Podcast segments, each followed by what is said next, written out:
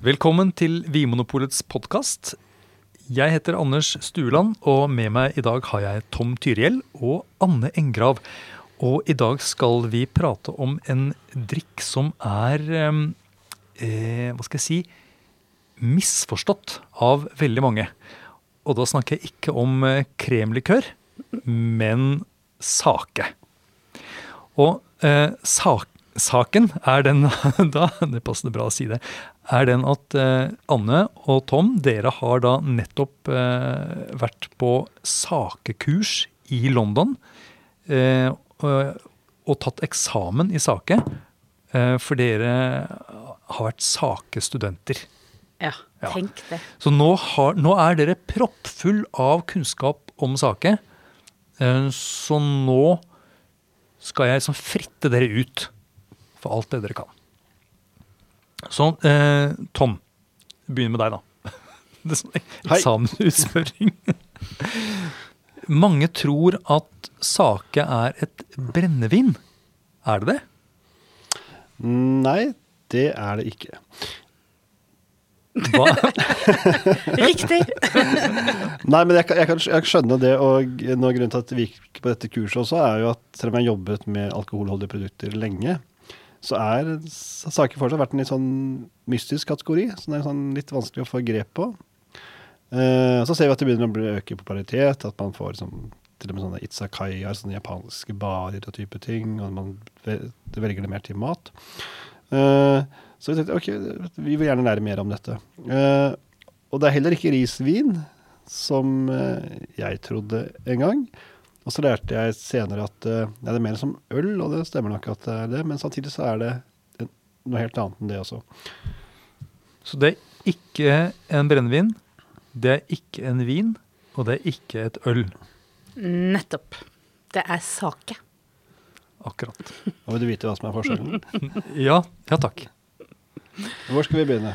Hmm, ja, altså, Det har jo likheter med øl, som eh, Tom var inne på. Fordi det er jo et korn. Ris er jo et korn, og det er ris som er hovedråvaren i sake. Men ris er jo ganske annerledes enn annet korn som vi kjenner det fra ølproduksjon også. Så selve produksjonsmetoden og smaken av det La oss kalle det ølet, da, for gøy, som man lager med ris, blir jo veldig annerledes enn sånn vi kjenner øl. Så derfor blir dette en helt egen produkttype. Men det ligner vel også på øl i den forstand at uh, de har ikke noe sukker til riskornet. Så det ligger der som stivelse som må frigjøres. Ved øl så gjør det det med malting. Og her så gjør det det med Koji. Koji, ja. Og det er en, den type mugg, muggsopp, som man må liksom infisere riskornet med for å få gjort tilgjengelig den stivelsen og gjøre det om til sånn gjærbart sukker. Litt sånn komplisert og veldig fascinerende teknikk. Veldig. Som også er med på å sette preg på, på selve det ferdige produktet. Da. Så de må ha muggen ris for å kunne lage sake, er det det du sier? Ja, ja de må forkultivere en, en del med med en form for mugg, da. Eller la oss si sopp. Sopp, ja, sopp høres litt bedre ut. Det er faktisk Japans nasjonalsopp også. Er det sant? Det er helt sant. Ja, og den den, eh, den, er med på å gjøre om denne her stivelsen inn i, i risen til gjærbart sukker. Så du får en sånn veldig fascinerende prosess der du både gjærer eh, dette omgjorte sukkeret og danner om stivelse til sukker samtidig. Så det er, en, det, er en, altså en, det er, et håndverk. Det er nesten en kunstform. Mm, ja. Og den samtidigheten skiller det vel fra øl? At du først, fri, eh, først i øl så frigjør du den stivelsen, og så gjør du det etterpå. Her skjer dette mer eller mindre parallelt. I tillegg så har du ofte humle i øl, og det har du ikke i sake. Det, liksom det skal være et rent produkt men bare ris, vann, gjær også da koji, som er ris blandet med denne soppen, som setter i gang eh, nedbrytelsen av stivelse. Mm. Og så lurer jeg på Fordi sake er jo eh, en japansk drikk. Det er det jo. Det er det jo. Men må sake komme fra Japan for å hete sake? Mm, nei, strengt tatt ikke. Eh, men så er det at eh, det vi kaller sake, egentlig bare betyr en alkoholholdig drikk. På japansk så kaller man enten seishu eller nihonshu. Og nihonshu, som betyr da på en måte japansk alkoholisk drikk, det snakker man skal bli en sånn merkevarebetegnelse på sake som må komme fra Japan. Men i dag så ser du at sake kommer fra uh, også flere andre steder. Eh, Kina, eh, Korea, eh, noen steder i Europa. Vi hadde det også i Norge, en liten produksjon inntil nylig. Og USA, selvfølgelig. USA er vel Ja. det største landet ved siden av Japan. Ja. Så det må ikke være en japansk drikk, nei. Men er det japanerne som bestemmer? Hvem er det som bestemmer over eh, måte, sakeregelverket, eller måte, finnes det en måte sånn eh, sakeprester eller sakedommere, eller altså jeg, jeg, ja. Og ja, altså Du aner ikke hvor mange spørsmål du stilte nå. Det- Jeg har fått lyst til å svare så mye.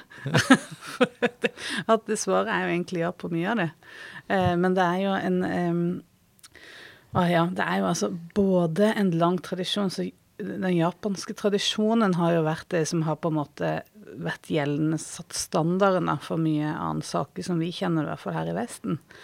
Eh, Eh, så, så det er en sånn tradisjonell altså Den tradisjonen ligger til grunn, og det har kommet inn i et slags regelverk. Samtidig så har det jo kommet gjennom noen sånne eh, konkurranser i Japan. Så har det sprunget fram nye, moderne stiler som nå også er blitt veldig sånn ledende, som også er inne i det samme regelverket. Ja, nettopp sånn, I Japan jeg vet at det er en veldig sånn, det er en kultur som er veldig bundet til tradisjoner. Ganske konservativt på mange områder. Eh, Jeg har ikke vært i Japan. Jeg har jo Nei, veldig ikke lyst. heller, men jeg har jo sett, jeg har sett filmer fra Japan, jeg har sett bilder derfra. Kanskje vært på japanske nettsider. Kanskje ikke det ofte. Tom, du har jo vært i Japan. Men du har vært i Japan. Ja, det har jeg. Ja, mens, men uansett, poenget mitt er at det, de, de har da sakestiler som er på en måte er de gamle, gamle stilene. Men så har de også da noen moderne stiler, har de det? Ja, eh, det er riktig at sake er gammelt og tradisjonelt. Det Risen kom dit for 5000 år siden.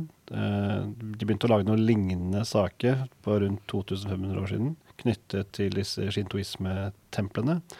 Og så har det på en måte gått oppover og blitt mer og mer som en Sikkert forbedret det litt, men laget det på gamlemåten. Og så kom det en hel revolusjon i begynnelsen av på 1900-tallet. Rundt 1910-12, var det ikke det? Anne? Ja. Det, det er utrolig egentlig at den, det sakregelverket, sånn som vi kjenner det, den tradisjonen som vi, vi trodde var sånn Jeg tenkte at den var sånn 5000 år gammel. At veldig mye av det er, eh, kommer fra ny kunnskap som de fikk tidlig på 1900-tallet. Det også var litt befriende da vi hørte det på kurset. fordi mye som er greia med saker, er dette å polere risen. Dette lille riskornet skal dere i tillegg polere ned til kjernen. Tenkte jeg, herregud, hvordan klarte de det? Ja. Hvordan hadde de liksom redskaper og ting? Men da vi hører at bak dette er noe som har kommet til moderne tid, ok, da faller litt av sakebrikkene på plass i hvert fall. Ja, for du, for du så for meg du så for deg at for 200 år siden så satt det da japaner, japaner rundt og pusset på hvert enkelt eh, riskorn. Omtrent. ja. Det var en sånn der religiøs eh, botsøvelse. Men på deg. i dag. da må vi, nå- for nå har vi pratet om at det fins forskjellige typer eh, sakestiler. Så skal, kan vi ikke bare ta en liten gjennomgang da, av eh, de, de vanligste stilene som finnes? Ja, vi Ja, kan jo Hvor skal vi begynne da? Vi kan Anne? ta de vi husker. Nei, det er bare tulla. Nei, eh, det vi regner som da premiumsaker, de som er liksom hånd, håndverksprodukter, de deles opp i ulike begreper. Og det sier noe både produksjonsmetode, men også hva du kan forvente deg av smak. Eh, så hvis vi skal kanskje eh, Skal vi begynne med det som kanskje er den mest fascinerende stilen sånn teoretisk, i hvert fall? Ja, Du kan få velge. Kan jeg det? Da vil jeg velge med den eh, stilen som heter daiginjo. Eh, og dette er en av de moderne stilene som vi eh, nettopp nevnte, som, eh, som Altså sånn rent smaken av en daiginjo er eh, litt Skal vi si annerledes enn en tradisjonell sake. Fordi den er helt pur. Den eh, handler om fruktighet. Det skal vise eh, intens og tydelig, helt sånn der minimalistisk fruktighet. Minimalistisk fruktighet. Hva, Ja, ja, det er her det begynner å bli abstrakt. Eh, ser, er det på en måte, jeg ser for meg et, et sånt stort fat, litt sånn hvitt fat, der det er en liten sånn blank, blankpolert frukt. En, Ja. en plomme, kanskje? Ja. Eller er det feil? Eh, En pære. Pære. En blankpolert pære Ja. som ligger på et litt sånn stort, hvitt fat. Det er, er det minimalistisk frukt? ja, som du ser bare i et sånn lysglimt. Men det fins jo til og med liten digresjoner. Det fins jo til og med i Japan eh, sånne der, eh, egne sånn delikatessebutikker. Du får rette på meg, Tom, hvis du er helt ute å kjøre.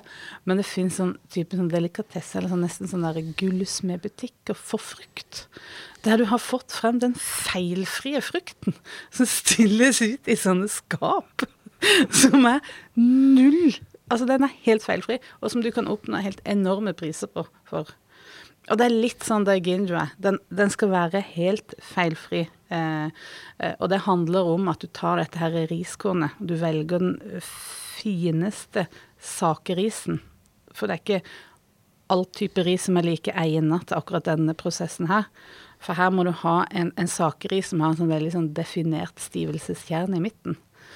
Og den må du polere inn til du sitter igjen med kun denne lille kjernen. Og hvor mye må du ta bort da? Ja, du kan ta bort inntil 70% av risikoen. Altså. altså, du har vært nede, var det ikke noen som har vært nede i at de satt igjen med bare 6% av risikoen? Altså, det er helt sånn absurd hvor Jeg mye de tar vekk.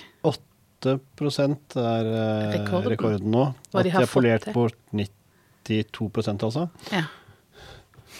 Og da sitter de igjen med med en bitte liten perle omtrent. En blank skinnpaku, som er navnet på denne riskjernen. Og denne, da, velger du gjærstammer og type koji-vekst og alt mulig for å fremheve kun frykt. Og så skal Og, så kommer da dette eh, begrepet kire inn, som handler om smaken av daiginjo. At du skal At den fryktigheten skal være, stå der krystallklart og tydelig, og så forsvinne. Du, du, du kjenner den, Ja. og så borte, er den borte. Ja. Plutselig. Og det, altså, dette her er jo altså nesten mystiske eh, smaksopplevelser. Eh, Ja, og noe av det fascinerende også igjen, fordi vi tenker jo eh, kvalitet vanligvis noe som har lang ettersmak. Sant? De gode kvaliteter som vedvarer. Og her skal det bare være der, og så uff, borte. ja. Som et glimt, liksom. Som et lysskarpt glimt. Men er, den, er det, på en, måte, er det en, en veldig sånn intens fruktsmak? Eller er det en, en litt sånn forsiktig, men veldefinert Jeg vil si det siste. Ja, saker skal smake. Det er jo ikke ingenting. Men det er, det er jo litt intenst, er det ikke det? Jo, det er jo litt intenst. Ja, men kort. De Ja. sammenligner det med denne kirsebærblomstringen. Ja. Som den varmer en ukes tid, men allikevel en kort tid på året. Og så er det sånn veldig intenst og vakkert, og så er det borte. Men samtidig så er det en annen ting man sier, det er som, eh, som regnvann, som en fjellbekk, på en måte. Den der renheten, det der minimalistiske. Så det er vel noe sånn veldig forsiktig og delikat. Og jeg kan jo skjønne at det er en kunst å få til det, men det er litt, sånn litt vanskelig å få litt grep av den kvaliteten. Synes jeg fortsatt, kanskje. Det er fascinerende, de Ja. daginioene og ginioene, som er eh, nivået under. Men det er lettere å forstå den litt mer robuste saken, som er eh, du bare en vann er junmai eller en honjoso. Og heldigvis fikk jeg høre at dette her er ikke et kvalitetshierarki, det er blitt mer to stilforskjeller. Så man kan både lage den der rene, pure stilen, men også de litt mer nøttaktige, litt rufset med mer umami og mer smak. Ja, for med en gang du da ikke polerer riskornet så mye, og velger litt andre typer gjær, og gjør noen andre sånn produksjonsmessige valg, da, så, så, så sitter jo veldig mye av smaken i det ytterste laget av risen også. Og ikke minst umamin. Mye umami sitter ytterst da. Ja, det er, Eller i det yt noen av de ytterste lagene. ja, for det husker jeg at heimkunnskapslæreren min sa, nemlig ikke om ris, men om poteter. At uh, mye av den gode smaken satt, sitter i skallet. Ja, ikke sant? Hmm. Det, ja. Det er jo all ære. til Hvis jeg hadde vært eh, sakeprodusent, så tror jeg kanskje det hadde vært litt sånn eh, hadde jeg ikke polert bort så mye, tror jeg. Jeg ville hatt, jeg ville hatt mye smak. Jo, men jeg skjønner hvis du har da eh, vokst opp i en familie som har holdt på i 500 år med å lage en litt sånn eh, rustikk, røff eh, Altså røff på den måten at, eh, at du har en del umami, det smaker litt soya og nøtter, og du har liksom eh, behandla den her risen litt sånn eh, grovt. Og så plutselig så får du ny kunnskap om hvordan du kan uh, bare reindyrke gjæringsprosessen. Så skjønner jeg jo at det blir nesten en besettelse. Og, og det var jo sånn det begynte. Den Daiginjo-stilen begynte jo som en, en eh, konkurransestil. At du bare test, Altså hvor, hvor, li, hvor, hvor mye er mulig å få til av, av lav eh, polering og Ja, for man må jo ha trengt noen som har vært gode på den poleringa. Og det har jo ikke vært eh, lett i sånn førmoderne tid, hvor man ikke hadde eh, det utstyret man har i dag. Og så har du kanskje, ser du, ok, han på nabogården har en som polerer liksom enda raskere og enda litt renere. Så blir det sikkert en konkurranse. Og det har blitt tatt over i, i det 20. århundret. Fordi da først startet det egentlig bare med sånn Hei, hei, skal vi se som klarer å polere den reneste risen. Og det lagde de saker av, men solgte det ikke. Det var, sånn, det var først bare en sånn konkurransesake. Og senere så har det blitt kjent at dette her, som er jo den virkelige stilen, og har blitt veldig populært. Og i dag er jo den, den stilen som vokser mest. Ja. Med, Kanskje ja. den stilen som viser at de har mest kontroll, da. Det er en slags sånn Den vansk, mest kompliserte, kanskje, å få til. Men Ja, ja, for det, ja, vær så god, Anders. Ja, Det som har vært på, på sakekurs, har, eh, har dere sett hvordan, hvordan ser en sånn poleringsmaskin ut? Er den avlang, høy, stor, liten? Tom, dette eh, Eh, Lærte dere- noe om Ja, vi så bilder. Den, Ja. eh, den er vel litt, eh, litt kompakt og høy, med en sånn to meter kanskje. Det så litt ut som en slags Halvannen. silo, på en måte. Minner jo litt om den de bruker i whiskyproduksjon. Når de tar eh, og maler kornet. Ja, nettopp. Nesten som en kvern. Som en kvern, ja. En stor kvern. Ja. Så det er ikke noe du får plass Går den inn til. i en sånn tut? Du kan ikke ha en på kjøkkenbenken. Det finnes kanskje Kunne mindre. sikkert gjort det ja. Ja. Kunne sikkert gjort det. Så, men det var altså da, når vi da pratet om denne eh, litt minimalistiske daiginjun, Ja. daiginjo, Ja. Mm. ja. Daiginjo. eh, og Tom, hva, nå kan du få velge en stil. Hva vil du prate om da? Så vi skal ikke fortsette med Ginjo. Jo, jo, jo. hvis, du vil, hvis du vil prate om ginjo, så skal du få lov til det. I hvert fall som en overgang. Da, fordi, Ja. eh, du har eh, Ginjo og Dai Ginjo, som begge er innenfor den stilen som man har snakket om, med dette fruktige, delikate Det er mye sånn pæremelon, banan-type ting. Eh, og Dai betyr veldig. Så først har du Ginjo, så skal du ha en veldig Ginjo, så blir det Dai Ginjo. Eh, og den har litt grovere poleringsgrad, at det er bare krav til eh, 60 etter polering, altså det som er igjen etter polering. Um, men det er det samme, samme kravene til en sånn sakte gjæringsprosess og en kald gjæring. Så det er mye av disse arbeidskrevende prosessene også i eh, Ginjo, som i Daginjo. Er det noen forskjell i smak, da?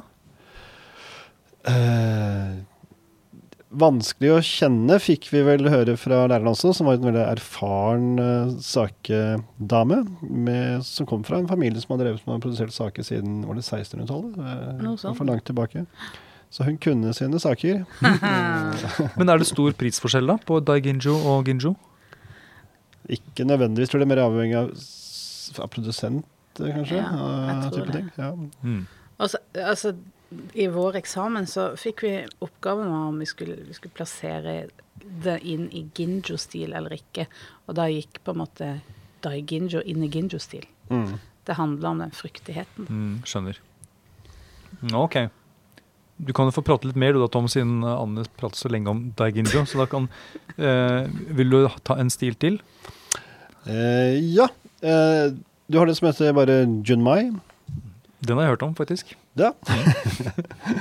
um, som egentlig betyr bare ris.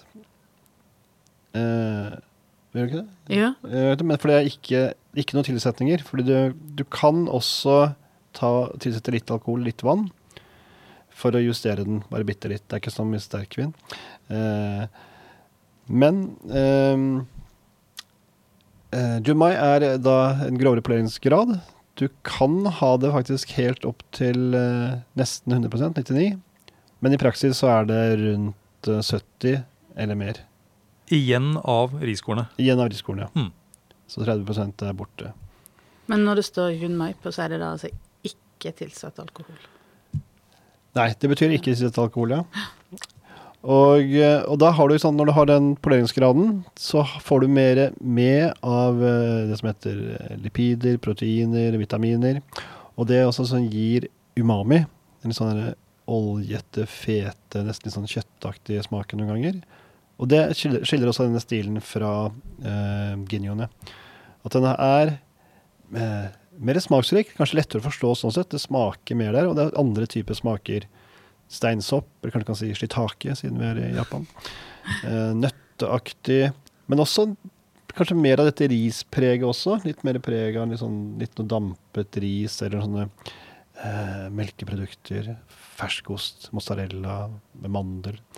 Ja. Eh, så tydeligere og lettere å forstå. Dette, de, de, de er tydeligere på smaken. Ja. Men er det noe frukt da? Dere snakket jo om denne pæra i Daginjon i stad. Er, det- er det noe pære her? Ja, ja, det kan Eh. være litt pære, også, men den der ferske nøtta som Tom nevner, mandelen og, og også litt sånn kokosvann. Ja, nettopp. Og så var det noen ganger så gikk det over i noe litt tropisk også. Litt sånn ananas, aprikos, pasjonsfrukt. Ja. Men på en jeg, jeg sier nesten relativt mye mer, for de er fortsatt ganske forsiktige på smak. Ja. Og Det gjør det kanskje så veldig matvennlig, mange av disse sakene, at de, de er ikke voldsomme på smak. Sitrongress, også en sånn. Ja, ok. Så vi har på en måte beveget oss litt oppover i intensitet og kompleksitet, på en måte. Ja, og så er det også noe med denne yunmaien som man må huske på, at det går an at det står yunmai foran ginjo dai ginjo. Og da betyr det bare at du har lagd en ginjo, og så har du ikke tilsatt alkohol. Ja. Så det er, også, det, det er både en egen Hvis det bare står yunmai, Ja. så sier det noe om at du har høyere poleringsgrad. Altså du har tatt vekk mindre riskorn, som Tom var inne på. Men hvis det står det sammen med begrepet daiginjo eller ginjo, så betyr det at du har lagd en daiginjo, så har du ikke vanna ut med alkohol. Ah, så det går an å selge en daiginjo som er tilsatt litt alkohol? ja. Yes. Du har både Nettopp. bare daiginjo ginjo, og så har du yunmai ginjo og yunmai daiginjo. Jeg tror det er det som gjør at mange tenker på det som et brennevin. At man snakker om det som et risbrennevin, for man har fått med seg at det tilsettes brennevin. Men poenget er ikke det å heve alkoholnivået, for det blir også vanna ut med vann. altså vann er også en viktig del av sakeproduksjonen. Akkurat som i øl. Og, eh, eh, så du, du kommer ned på omtrent de samme nivåene. Ja, ok. Og hvilket nivå snakker vi da? Hvor ligger eh, alkoholprosenten på sake? Sånn, hvilket intervall er vi i? Ja, vi er vel oppe på Mest er vi rundt eh, 15, er det ikke det? 15 til 17, kanskje? Ja, enda litt høyere. Mm. Det ligger høyere enn vin, men uh, altså betraktelig mye lavere enn brennevin. Ja, Så vi er sånn som på eh, nivå med sherry, f.eks. En sånn type sterkvin. Ja, Fra en, Ja, fra en sånn Amarone opp til uh, Ja. portvin. Ja. Men det er ikke Nei, vær så god. jo for Årsaken til at de putter inn den alkoholen, er jo altså da, som sagt ikke å heve alkoholen, men det er for å trekke ut smak, for det er en del av disse smaksstoffene i risen som ikke lar seg løse i vann så lett. Men når du har oppi alkohol, så får du trukket ut mer smak. Ah, nei, fordi jeg, når folk sier at de har oppi alkohol i noen ting, så tenker jeg at det er for å på en måte bare pump, Sprite det opp. sprite opp, pumpe opp liksom uh, alkoholen. Uh, uten å få noen, måte, noen, noen gode egenskaper med. Nei. Men her er det for å få løst opp noen ting. Ja. Det er smaksuttrekk. Ah, Så når du skal første gang kanskje gå og kjøpe deg en sak, eller liksom tenke på det, så kan du si, tenke skal du ha en Yunmai eller ikke Yunmai. Og de Yunmaiene er kanskje noe mer intense, mer konsentrerte. Mens fordi du blander inn ikke mye, men ikke med vann og alkoholen, så blir det jo litt lettere, litt Ja. mindre fyldige. For det blir jo vanna ut igjen nå, ikke sant? Det er jo Og det høres jo rart ut av hvorfor kjøpe den utvanna versjonen, men det er, det, men det er ikke sånn utvanna at det mister smak for det. Nei. Eh, ikke på premiumnivå i hvert fall. Nei, det er akkurat det. For det, det er heller ikke her er det eh, et sånn veldig sånn lineært kvalitetshierarki. Det er ikke sånn at de uten alkohol er bedre enn de med, eller motsatt. Der går det liksom sånn sikksakk. Det kommer an på. Så de har en kommunikasjonsoppgave å gjøre. Så kanskje også, en annen måte å nærme seg på er å si ok, vil du enten ha den der fruktige, delikate stilen, altså gå for Ginyo-stilene, eller gå for det som heter eh, Junmai eller Honyoso, som er da de, de litt uh, mer robuste, litt kraftige, litt fyldigere. Umami, Umami-saker. umami-sake. Ja. Ja. ja, for da nevnte du da honyoso, var det det? Honyoso. Ja, Hva er det for noe, Anne? Ja, det er altså Da er det tilsatt eh, eh, alkohol. Ikke sant? Ja, den er, den er ikke Junmai, fordi den er, den er tilsatt litt alkohol. Men den Det er har motstykket til Yun Mai, kan du si. Hæ, er du forvirra? Ja, vet du, nå er jeg i ferd med å eh, miste grepet her. Men eh, eh, um, Så hvis jeg har forstått det riktig, eh, eh, Honyoso er en Yunmai med tanke på poleringsgraden, Veldig bra. eh, men eh, den er tilsatt litt brennevin. Ja. Så vi er fremdeles på den umami-typen, ja. Nettopp. Litt robuste og Ok. Eh, eh, har vi noen flere stiler, Tom? Ja, du, du kan sette på et, et prefiks som heter eh, tokobetsu. Eh, og tokobetsu betyr egentlig mm, spesiell eller noe ekstra. Så for å gjøre det enda vanskeligere Så kan du Det er åpen en klasse. Så du kan enten da ha en uh, yunmai, som er en vanlig yunmai, eller så kan du ha, ha en tokobetsu yunmai. Og hva er så det spesielle da med denne yunmaien? Det er f.eks. at på en vanlig yunmai så kan du da bruke boreris, eller du kan bruke en mindre dyr ris og type ting, og du kan bruke noen ting i fremstillingsteknikken som ikke er så arbeidskrevende, som er en del av eh, eh, ja, de høyere nivåene. Så det er den type, hvis du har gjort den type valg, f.eks. valgt eh, en Yamada-ris, som er nesten topprisen, i en vanlig Junmai, så kan du sette tokubetsu på den. Så det er nesten en litt høyere kvalitet. Så hvis det står tokubetsu, så vet jeg ikke helt hva det innebærer. Nei. Nei. Da må jeg, måtte, da må jeg spørre noen, eller lese bak på etiketten, eller Ja, det er litt sånn Den er ikke så eh, sti... Du, du, får, du kan ikke lese ut en spesiell stilretning av det. Nei, ok. Det er litt mer åpen klasse. Ja. Her åpner du for at noen eh, eh, tradisjonsrike eh, sakeprodusenter har gjort det sånn alltid, og de har sin egen lille signatur. Eller at de har Men de, det er alltid noen sånne kvalitets... Eh, kvalitetstegn til stede, da. Enten risen de har valgt, eller liksom måten de har gjort det på. Det er en kvalitetssake, men de har gjort ting med sin egen lille vri. Nettopp. Eh, Jeg har jo eh, jeg har vært borti i sake basert på risottoris. Altså sånn eh, Arborio. Arborio eh, var det vel, ja. Så det er jo en ristype da som kanskje ikke er godkjent for å være en, en, en junmai eller en daiginjo eller noe. Eller? Ikke daiginjo i hvert fall. Nei. Men det kan jo brukes Junmai, skulle jeg tro. Ja, altså Litt usikker der. Men. Eh, jeg trodde faktisk at eh, for å være en japansk sake i premium, så måtte det være eh, lagd på det som kalles sake specific rice. Eh, rice. jeg har vært for lenge i London. Jeg har glemt språket. men da Men det, vil jo ikke si at ikke det er mulig å lage. Du kan jo lage eh, sake på all ris. Det er bare litt vanskeligere med tanke på denne her poleringa. Men arborio er jo nettopp det at den er liksom så eh, når, når du lager risotto på arborio-ris, så er jo en av fordelene med den risen at den tiltrekker så mye væske. Altså den har jo mye stivelse. Ja.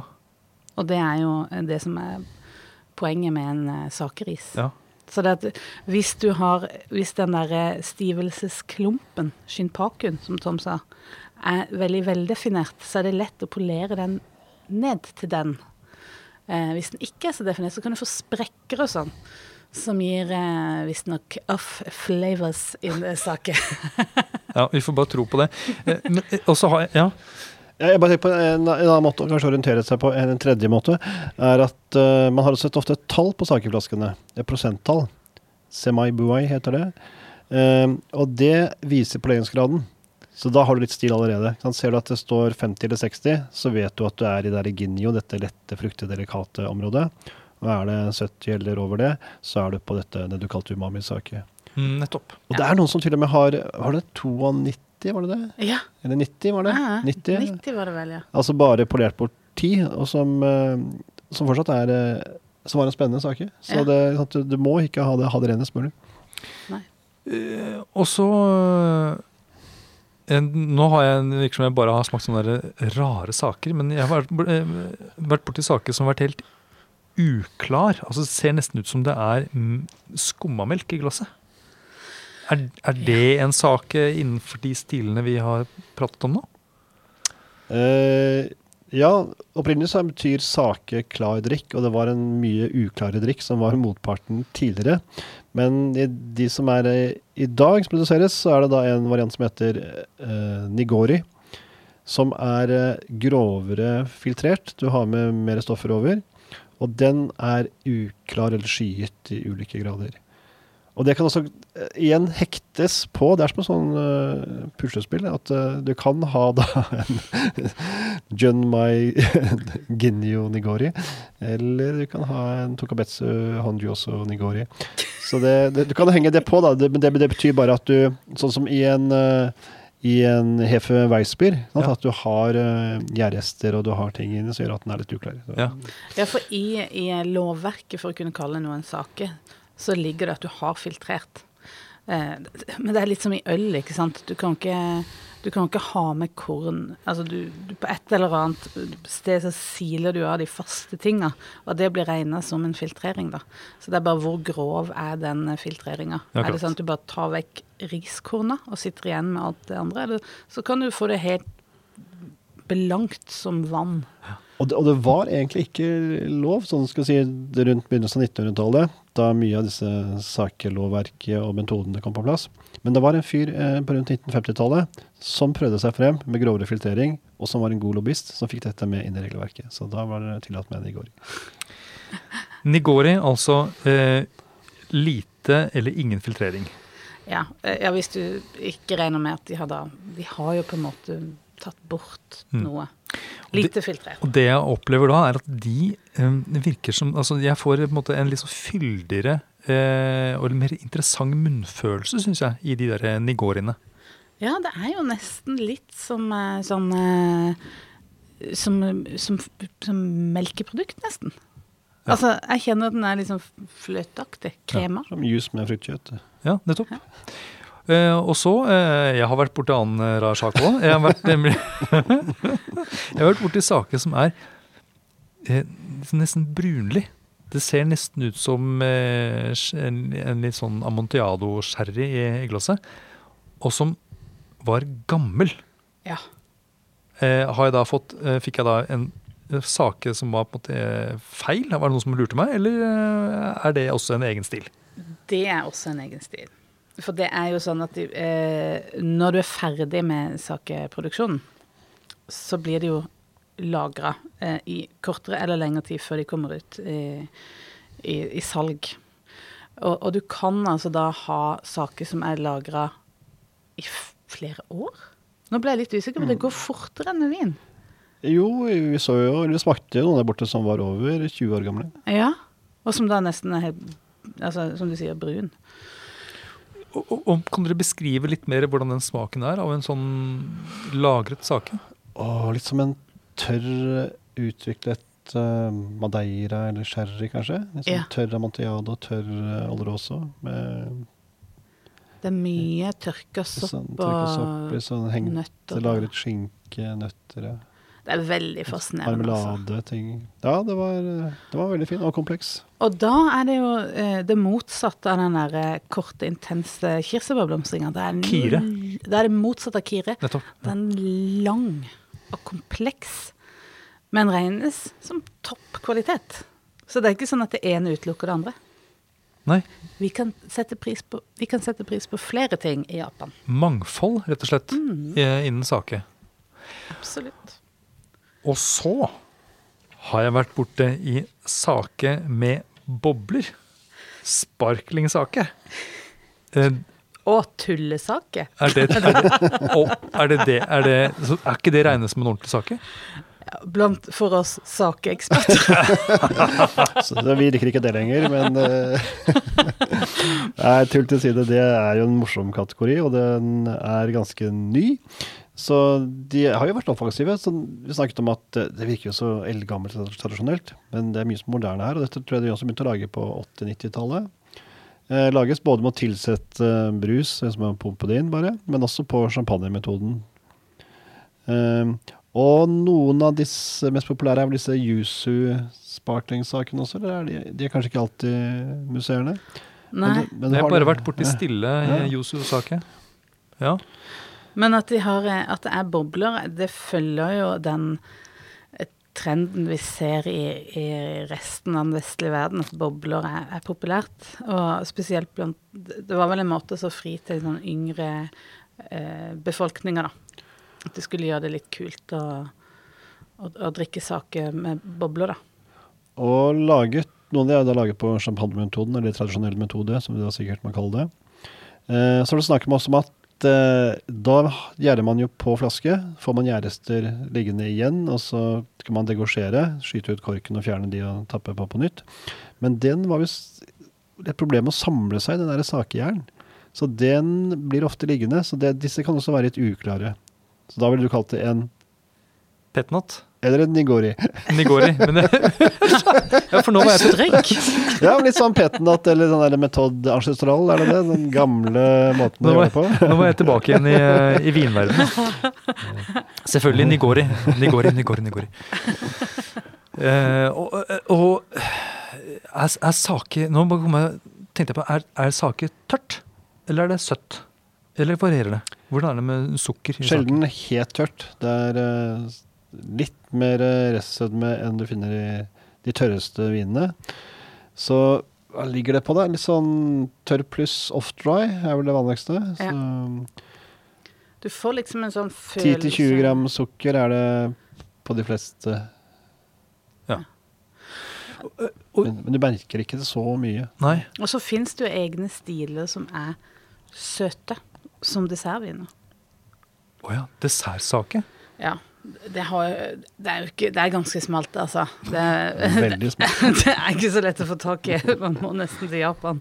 Men, men det fins også. Altså, det sier bare noe om, om spennet her, da. Mm. Du kan egentlig bytte ut alt av vin og erstatte med sake. Men, den, men denne, den som heter Yoso-sake, som da er gul, og som smaker intenst av sitrus, Ja. Mm. er, er det en ekte sake? Eller hva, eh, hva er det for noe? Nei, det er jo egentlig ikke det. Det er i hvert fall ikke en eh, Det er ikke sånn de ville sagt seishu i, i eh, Japan. For det er, det er jo saker som er eh, på en måte grunnlaget, men så er det tilsatt gusu jus. yuzu jus, faktisk. Ja, som er den, det er den der eh, japanske sitrusfrukten. ja. Den eh, hippeste av sitrusfruktene akkurat nå. Og, og den er jo også veldig, veldig intens. Fantastisk eh, på en måte smaksopplevelse, men sånn innenfor sakebegrepene så er det litt på sida. Det er liksom litt noe annet. Ja. Du finner jo andre ting òg. Plommetilsetninger. Umeshu heter det jo da. Altså, sju betyr det alkohol eh, Alkohol Mm. på, på japansk. Så hvis du da har umeshu, så er det plommealkohol. Yusu sju, da er det altså yusu-alkohol. Men det er jo ikke en nihonshu. Nei, God forbid. hallo. Men altså, det er jo litt uh, uh, Ja. I, det, det, det er mange nok stiler som det. Dette her er noe som Da blir det litt på sida igjen. Men umeshu, som du nevnte, er vel lettere å få tak i enn den søte, saken, i hvert fall. Ja. Uh, og da Den er kanskje enda mindre sake, men du kan bruke sake eller eh, brennevin som du da legger eh, frukt. Dette, eh, denne frukten kalt umeshu, som er en type plommeaprikos. Det er en egen, egen frukt. Og så lar du disse ligge oppi der og trekke ut uh, smak og stoffer. Hmm. Eh, Vi er jo, vi er jo vinfolk sånn eh, ellers, Til vanlig. til vanlig. Eh, og jeg syns jo det var litt utfordrende å smake sake første gang. Og liksom sette pris på egenskapene i sake. Tom, har du noen tips? Hvordan på en måte bør man liksom angripe en sake? Eller på en måte hvordan skal du forberede deg som, som smaker hvis du kommer fra Hvis du er vant til å, å drikke vin, da. Og så skal du smake sake. Hvordan burde, hvordan burde du tenke da? Hva Um, noe av det viktigste er kanskje å tenke at det er lite syre. Hvis man sånn, skal begynne å sammenligne med vin, så merker man veldig fort at jøss, det virker nesten litt sånn daft i begynnelsen. Hvor er den friskheten som skal være her? Uh, så bare man innstiller seg på det. Og så er det uh, litt den der følelsen av uh, smaken av umami, som er der i varierende grad. mest i Junmai Honjusu-stilen. Um, og uh, bortsett fra det, så er det viktigste å være åpen til sinns, tenker jeg. Og så begynne å bruke eh, Hente fram knaggene fra et, uh, ris, melkeverden, og kanskje det forbinder med japansk mat og sånt noe. Mm. Mm. Det syns jeg er en god innstilling. Mm. Og Anne, eh, sake og mat. Har du noen, uh, har du noen gode tips der? Bortsett fra sushi. ja, jeg tror de fleste har jo på en måte møtt uh, sake i en sånn japansk matsammenheng. Men det er jo Altså, det er jo en helt selvstendig drikk som lever utenom det japanske gastronomien også. Og, og det vi har snakka om nå, jeg viser jo liksom det stilbredden. Så man kan jo bruke Altså, alle disse stilene kan jo på en måte finne gode måter å bruke alt på, på en måte. Eh, og da er kanskje den mest an anvendelige stilen er kanskje den Yunmai-stilen, som ikke er sånn veldig polert for den der ekstreme fruktigheten. Er ikke alltid like lett å kombinere med, med mat, syns jeg i hvert fall. Eh, så jeg ville, for de aller beste matkombinasjonene, så ville jeg ha testa det med en eh, Yunmai-stil. Kanskje også Honjo også de to liksom, som viser litt mer av den der rispreget og litt av den nøttete shitake-umamien. For det er liksom umamien som er nøkkelordet her, da. For vi har prøvd eh, saker i, i flere smakinger, og, og, det har vist seg det at den um, Umami var jo en sånn grunnsmak som jeg syns har vært så vanskelig å få tak på. Helt til jeg smakte sake, for da ble det liksom tydelig, mye tydeligere hva det var. Og den umami-biten som er litt den der eh, sånn, ja, altså, Det man alltid forklarer det med, smaken av kjøttbuljong, eller det vi får av soya, lagra oster, tomat. Eh, som det er ikke alltid like lett å skjønne fellesnevneren der, men når du smaker sake, så skjønner du det. Mm. Og den umami-smaken, den er veldig fascinerende å bruke til en del mat fordi det forsterker smaken av maten. Eh, så det at det igjen er litt motsatt av sånn jeg tenker i vinverden, der vinen kommer inn og spiller en veldig sånn aktiv rolle i den der eh, mat- og drikkekombinasjonen, så er eh, smaken av sake mye mer sånn underbyggende for maten. Så spesielt i retter som der maten smaker mye av hverandre. Vi har f.eks. prøvd til fårikål, der man har kokt inn noe, og det er liksom ikke et sånn stort spenn i smaken i maten å ha, prøve en litt sånn uh, rustikk sak til det. Virkelig få frem uh, en, Skrur opp volumet på fårikålen. Nettopp. Så det er en drikk som ikke nødvendigvis står som en kontrast til maten, men som mer mm, bygger oppunder eller løfter uh, maten istedenfor. Godt, godt sagt. Yes. Mm. Ost også er for øvrig noe vi har prøvd det til, som ja. funker veldig bra. Sånn type hvitmugg, brie, camembert. Um, og faste guloster syns jeg vi har vært borti om. Comté. Comté og gruyère. Mm. Pinnekjøtt. Ja, det er jo også fårikål pinnekjøtt. Hvem i all verden er det som kommer på den ideen å prøve sake til det? Og saken kan serveres kald, og som regel uh, gjør den det som kjøleskapskald. Uh, og uh, på kurset så hadde vi det i vinglass, sånne små vinglass. Det man kanskje tenker på som sånne sherry portvinsglass. Eller små hvitvinsglass. Eh, noen skal varmes opp litt, men de er gjerne de mer, mer smaksrike, lagrede de, sakene som man kommer litt sjeldnere borti. Så de fleste kan man servere rett fra kjøleskapet. Mm. Mm. Flotte tips, altså. Nå skal jeg hjem, og så skal jeg tenke litt på om jeg, skal, eh, om jeg er en ginjo eller en Junmai-mann. Du ser litt nigori ut akkurat nå. Ja, jeg er kanskje en uh, Junmai nigori. Tusen takk skal dere ha. Takk for at du hører på Vinmonopolets podkast. Har du forslag til et tema i podkasten? Send mail til podkast at vinmonopolet.no. I tillegg svarer kundesenteret deg på e-post, chat og telefon.